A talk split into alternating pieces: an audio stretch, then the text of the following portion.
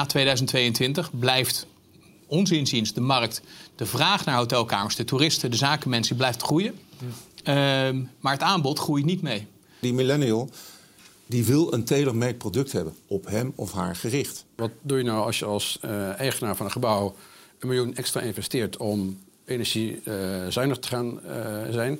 Dan, wil je als, dan is dat voor de huurder, operator, is dat prettig. Maar dan krijg je als eigenaar van waarom ga ik dat miljoen investeren? Het is alweer een jaar geleden dat ik naar aanleiding van het Hotel Investment Seminar sprak met mijn drie gasten die bij mij aan tafel zitten. Tijd om bij te praten, heren. Van harte welkom terug. Uh, als we een jaar kijken, de laatste twaalf maanden, uh, laat ik eens bij jou beginnen, Rutger. Wat, uh, wat, wat is er de laatste twaalf maanden allemaal gebeurd sinds dat wij elkaar hier aan deze tafel spraken? Ja, dan moet ik als mijn, vanuit mijn rol als advocaat kan ik, moet ik vooral even richten op de transactiemarkt. Ja. En ik denk dat we een, nog steeds een goede transactiemarkt hebben gezien. Je ziet dat alles wel uh, veel duurder wordt. Uh, vooral Amsterdam. Ja. Uh, en dat er nog steeds heel veel vraag is vanuit de buitenlandse beleggers om, om producten te vinden. En dat is, dat is nog niet zo heel eenvoudig gebleken. Dus er is wel een enorme, enorme goede vraag naar, naar hoteltransacties. Dat zeg je positief, maar er is druk op de markt dus wat dat betreft. Ja, zeker. zeker. Er, is, um, er is een enorme druk op de markt. Alle alle hotels, alle grote transacties zijn eigenlijk al gedaan de afgelopen vijf jaren. En als je nu, ehm, als je nu naar beleggers gaat of naar eigenaren gaat en vraagt: ben je bereid om je hotel te verkopen? Dan zeggen ze automatisch van. Maar wat moet ik er dan voor terugkopen? Hmm. Het, is niet alleen de, het is niet alleen de schaarste op de, op de uh, hotelmarkt, op de hotelvastgoedmarkt, maar ook kantoren is gewoon een heel laag aanbod in. Er is gewoon heel uh, moeilijk om een, aan nieuw product te komen. Um, exploitatietechnisch een, wat ze dan formeel een stagnerende groei noemen. Uh, wat zegt dat of wat laat dat zien? Nou, eh, zeg maar in de exploitatie uh, zie je nog steeds, een, uh, vooral Amsterdam, een enorm, enorme sterke markt. En uh, als je ziet globaal hoeveel er gereisd wordt met alle low-cost airlines die er zijn. En als je ziet hoe enorm aantrekkelijk Amsterdam aan het worden is blijft die druk er wel op staan. Hmm. Het probleem zit hem er gewoon in dat, je, dat inderdaad de yields die worden, die worden steeds lager. En uh, wat Jan precies zegt, ja, de prijzen zijn gewoon te hoog. En dat, dat gedeelte stagneert. Maar, zeg maar in de, aan de exploitatiekant zie je dat zeker niet. Want Amsterdam en dan ook in de rest van Nederland uh, draaien de hotels erg goed. Ja, we hebben het al gehad over de hotelstop uh, vorig jaar in Amsterdam. Wat vinden we daarvan?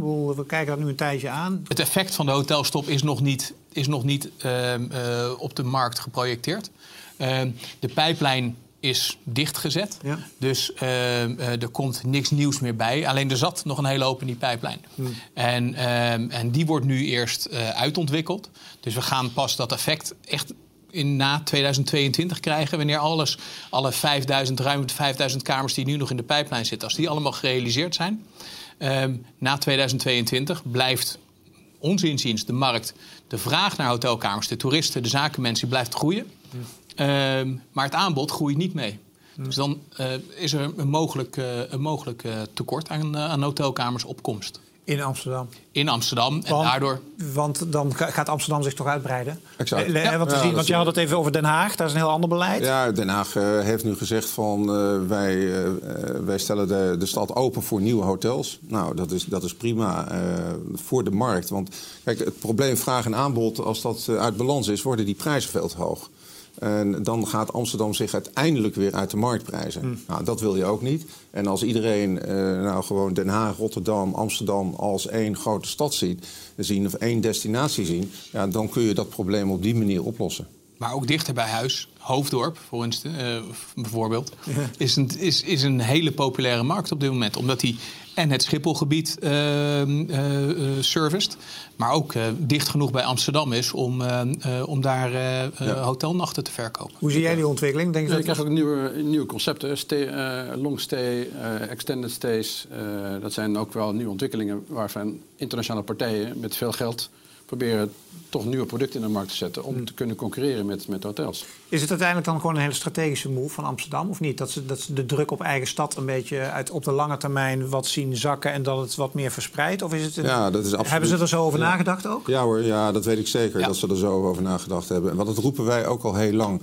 Je moet gewoon nieuwe centra uh, creëren in en rond Amsterdam. Hmm. Want je kunt niet gewoon al die, die 20 miljoen toeristen elk jaar... die kun je niet allemaal maar in, op de Wallen of in, in die binnenstad hebben. Dat kan gewoon niet. Maar um, het, het, is mijn zinziens niet alleen de hotelkamers... die uh, die, die druk op de, uh, op de toeristische markt in Amsterdam uh, veroorzaken. Mm -hmm. Want vergeet niet, met 35.000 kamers heb je een maximale aantal toeristen, die dus ook in Amsterdam slaapt, van 70.000 mensen. Um, en dat valt, dat valt eigenlijk in het niet bij de hoeveelheid toeristen die er op dagbasis zijn. Ja. Er komen natuurlijk nog een hele hoop met de trein, met de bus, met de auto, um, die allemaal een dagje Amsterdam komen doen. Mm -hmm. En die druk die blijf je erop krijgen. Ja, ja. Het is niet alleen maar de druk van de mensen die blijven overnachten. Dus daar, daar dus moet... De aantrekkingskracht voor, voor de stad Amsterdam als toeristische stad, dat, die druk die blijft. Ja, en daarom denk ik dat, dat je uh, er veel, beter bij veel meer bij gebaat bent om dus uh, uh, ook buiten het, het centrum van Amsterdam toeristisch aantrekkelijke punten uh, te promoten. En dat doen ze nu ook met de MRA Amsterdam, metro, metropoolregio Amsterdam. Ja. waarbij nou ja, van Zandvoort tot Muiden tot Lisse allemaal gepromoot wordt om die spreiding door de regio. En ik denk dat dat een hele goede zaak is. Er komt hoogtevrees. Mensen denken ook van oké, okay, wanneer komt die volgende beweging in de markt naar beneden? Hm. En ehm, als je 1991 kijkt 2001. Uh, 2011 zaten we midden in de crisis. En ja, ik zeg, altijd, ik zeg wel eens op uh, seminars... en 2021 komt er waarschijnlijk ook aan binnenkort. En het zou wel eens kunnen dat die markt weer uh, gaat corrigeren. En er zijn niet, reden, niet echt hele harde redenen voor. Maar als je gewoon naar de, naar de golfbewerking van de afgelopen 40 jaar kijkt... dan zou het ergens uh, 2021, 2022 weer uh, naar beneden moeten Kun je daar financieel, juridisch uh, zeg maar op uh, voor sorteren? Als, kijk, ik, bedoel, ik heb Jan Hoog zitten, dus ga er maar even vanuit dat gebeurt. wat moeten we dan nu doen? Nou ja, het is de, de, de markt uh, is, is het wat de markt doet. Als de rente zo laag blijft, dan blijven we deze gekte houden, denk ik. Maar als de, als de rente op een gegeven moment uh, gaat stijgen, dan krijg je weer een, een, een, bubbel die aan elkaar gaat barsten. En dan krijg je alle soorten distressed uh, vastgoed weer. Hm. We hebben de afgelopen jaren gezien dat alle kantoorgebouwen zijn nog getransformeerd naar of woningen of naar hotels. inmiddels is, het, is, er gebrek aan kantoorruimte. dus de, de markt zal ja, vertel me maar. Als het, uh... ja. Mooi vak heb jij, hè? ja, Toch? Zeker. Nou ja, ja. Het... Maar lastig ook om daarop te sorteren als je in de, als je in die hotel-investmentmarkt zit. Nou ja, um, aan de ene kant wel. Uh, uh, maar aan de andere kant, ook in de, uh, ook in de slechtere tijden, moeten wij, moeten wij onze klanten van dienst zijn. Ja. En daar een, een, voorzien van, van strategisch advies wat te doen met je vastgoedportefeuille. Ja verkopen is ook, ook in, uh, in slechtere tijden vaak een, uh, vaak een optie voor de, voor de, uh, voor de eigenaren. Ja. We gaan naar een nieuw Hotel Investment Seminar toe met een prachtig thema: Creating Value for Investors. Drie interessante thema's daarin. De eerste maar eens behandelen. Hij kan bijna in geen enkel gesprek ontbreken wat ik de laatste half jaar in business jargon doe. Dat is namelijk sustainability, duurzaamheid, climate. Ja. waar liggen, hoe relateren we dat aan deze markt? Waar liggen de kansen? Wat zijn de ontwikkelingen? Nou, we hebben allerlei eisen waaraan gebouwen tegenwoordig moeten voldoen, dus ook hotels. En wat doe je nou als je als uh, eigenaar van een gebouw een miljoen extra investeert om energiezuinig uh, te gaan uh, zijn? Dan, wil je als, dan is dat voor de huurder, operator, is dat prettig. Maar dan krijg je als eigenaar van waarom ga ik dat miljoen investeren? Ja. Dus die, die wil ook zo'n return hebben. Dus, dus en uiteindelijk, de operator wil het misschien ook wel betalen, maar gaan de gasten dat ook weer met de, de hoge huurprijzen betalen. Dus de, Geef de antwoord eens. Dus, nou, dat, is, dat is de challenge waar we het... Ja. het uh, uh, maar dat is de discussie die je aan wil. Dus die, maar je kan ook zeggen, nou, het kost gewoon geld... maar die moet je investeren, want het is om de aarde te verbeteren. Ja. Dus nou ja, maar dat, dat zie je. Je ziet ook wel dat hotel operators, dus exploitanten, daarop inspelen. En, uh, en daar echt een thema van maken. Ja. En dus proberen ook die, die extra kosten die daarmee gemoeid zijn, door te leggen aan de, door te leggen aan de gast. Uh, het zij vrijwillig, het zij gewoon in, in, hogere, in hogere kamerprijzen. Uh, maar het moet natuurlijk wel ergens op slaan. En dat is, op dit moment maakt het nog niet altijd evenveel uh, reden. Ja, precies. Maar heeft sustainable ontwikkelen, is het wel zo logisch om het meteen te koppelen aan dat het dan ook veel duurder is? Ik kan me ook voorstellen dat wij straks over 10 of 20 jaar dat wij gewoon ontwikkelen. En dat er vastgoed is wat gewoon uiteraard sustainable is, maar, wat gewoon normaal is. Meer, ja, dan praten we niet meer over sustainable. Nee. Want uh, nu is het sustainable, maar straks is het gewoon. En straks moet het gewoon zijn. Ja. Uh, ik, en wat is straks? veel, ja, straks, en straks dat kan over één jaar zijn, dat kan over tien jaar zijn. hangt een beetje van het product af. Maar uh, iedereen moet sustainable denken. Ja, dat leer ik van mijn dochter ook. Ja. En dat leren wij denk ik allemaal van onze kinderen. Want die kinderen, die generatie, zitten er heel anders weer in dan wij. Ja. Want die leven daar echt mee. En die zijn er echt heel erg bewust mee bezig. En die, die doelgroep die werkt inmiddels, die komt de arbeidsmarkt op, die gaat reizen, die gaat werken, die gaat in hotels zitten. In hoeverre is het onderscheidend vermogen om je nu als hotel of merk, uh, om, om dat sustainable stuk echt, echt op te pakken en te gaan uitdragen? Ja, je bent nu, ja, nu zijn het de hotels die echt sustainable zijn, die het uitdragen. Ja, dat, dat, dat, dat zijn uh, de voorlopers. Dat, zijn, dat, is, dat is dan een hit. Maar dat, de rest van die hele wereld die moet er nog achteraan komen. En, en, en ook de oudere hotels, uh, die moeten op een of andere manier moeten ze toch sustainable worden. Ja. En dat is, dat is ook waar, je, waar je kosten in gaan zitten, ja. natuurlijk. Weet je? De bestaande hotels om die sustainable te maken. En een, de, de omlooptijd van een huurder of van een exploitant in een hotel uh, is veel langer dan in, een kantoor, dan in een kantoorgebouw. Dus je hebt ook geen tussenpauzes uh, in de exploitatie of in de huur om, om een hotel goed aan te pakken. Dan moet die dicht. Mm. bij wijze van spreken. Mm. Uh, en dat kost, dat kost geld. Ja, en het, gaat, e- het gaat echt verder dan een papiertje in de douche hangen van jongens, gooi de handdoek. Handdoek in ieder geval. Nee, nee, nee, dat is, dat is oldschool. Ja, ja, die hangen nog steeds overal trouwens. Die ja, vreselijk. ja. Maar even, even terugkomen, waarom is dit nou zo belangrijk? Ja. in Amerika in 2025 is 50% van alle zakenreizigers is een millennial. Mm is een millennial. Dat zijn de mensen die nu 20 zijn en die zijn straks uh, zeg maar 25, 35. Dat is de grootste doelgroep. Ja. En, die, en die mensen leven met een, een, een, het feit dat sustainability gewoon part of life is. Ja. En wij moeten er alleen nog aan wennen. En of het nou het hotel wel of niet dicht moeten gooien, we zullen dat echt moeten doen. We zullen ons echt aan moeten passen. Grote veranderingen de komende jaren, denk ik. Absoluut. Ja, nou ja, een groot thema. Ja, ja. zeker. Um, even, tweede ontwikkeling die ook speelt is het hele stuk, en soms krijg ik er een beetje jeuk van, hè, maar terminologie als big data en artificial artificial intelligence. En denk, nou, hotels zijn daar nog een stukje vanaf, denk ik dan, als klant. Uh, uh, wat zijn daar de. En dan kijk ik ook even naar jou met name vanuit juridisch. Want wil je dat goed doen, dan wil je heel veel van mij weten. Want als pas als jij veel data van en mij even in overdrachtelijke zin als de klant, ja. de hotelbezoeker. Uh, wat zijn daar de angles en de kansen als het gaat om die nieuwe technologie? Nou, allemaal de, de moderne terminologie is allemaal AVG hè, en GDPR. En, en de zonder nou over doemdenken te praten, maar als je uh, veel data verzamelt en die zijn tot personen herleidbaar, persoonlijke gegevens, en je doet dat niet goed, je hebt datalekken, dan, uh, dan kunnen grote organisaties kunnen daar uh, grote problemen mee krijgen. Ja, en dat kan veel geld kosten. Als en vandaag in de krant, hè, British Airways heeft een datalek, krijgt een boete van de Europese Commissie van 205 miljoen euro. Ja.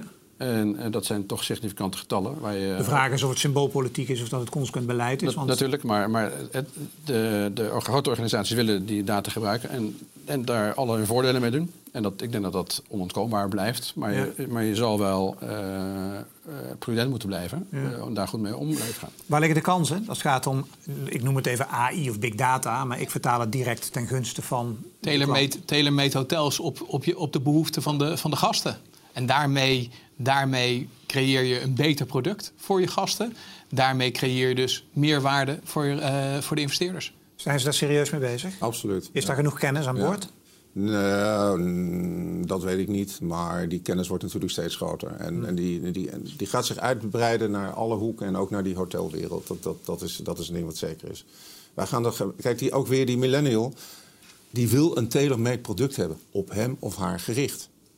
Zo, dat is de toekomst. En dat is dus door die, AI, uh, eh, die artificial intelligence, is dat gewoon uh, te doen.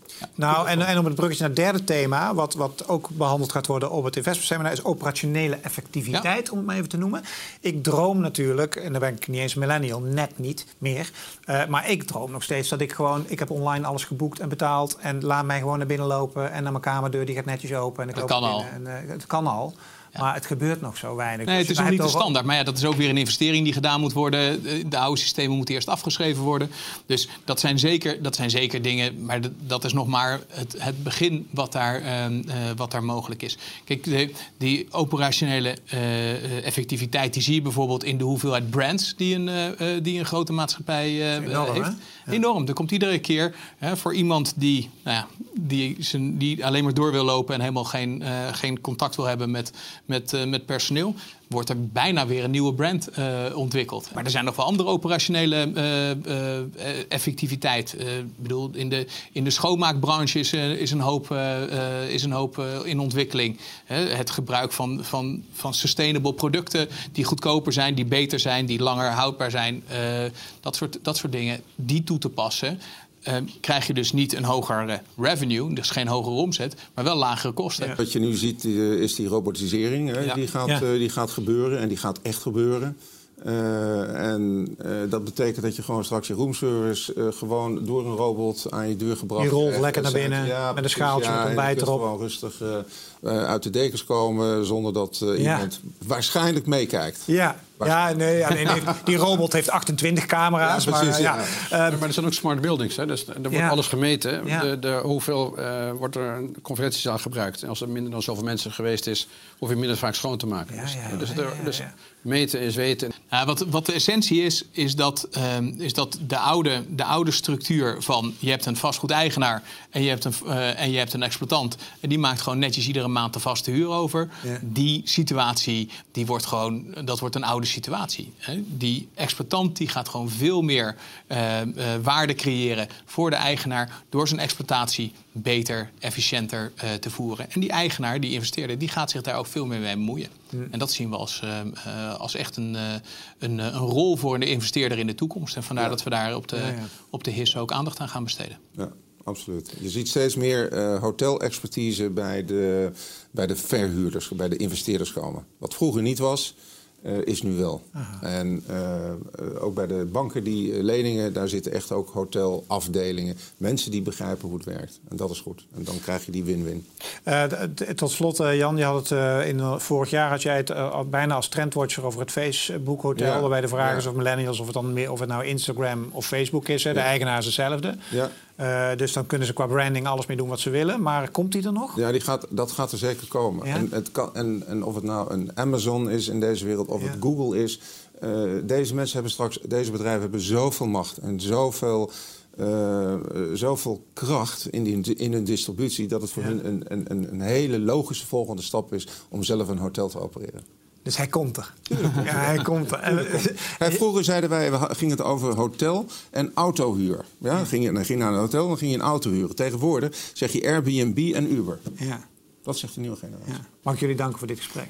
Graag gedaan. Graag gedaan. En dankjewel voor weer het kijken. En voor degenen die kijken en naar het Hotel Investment Seminar toe gaan, uh, heel veel plezier daar. En tot een volgende keer. Dag.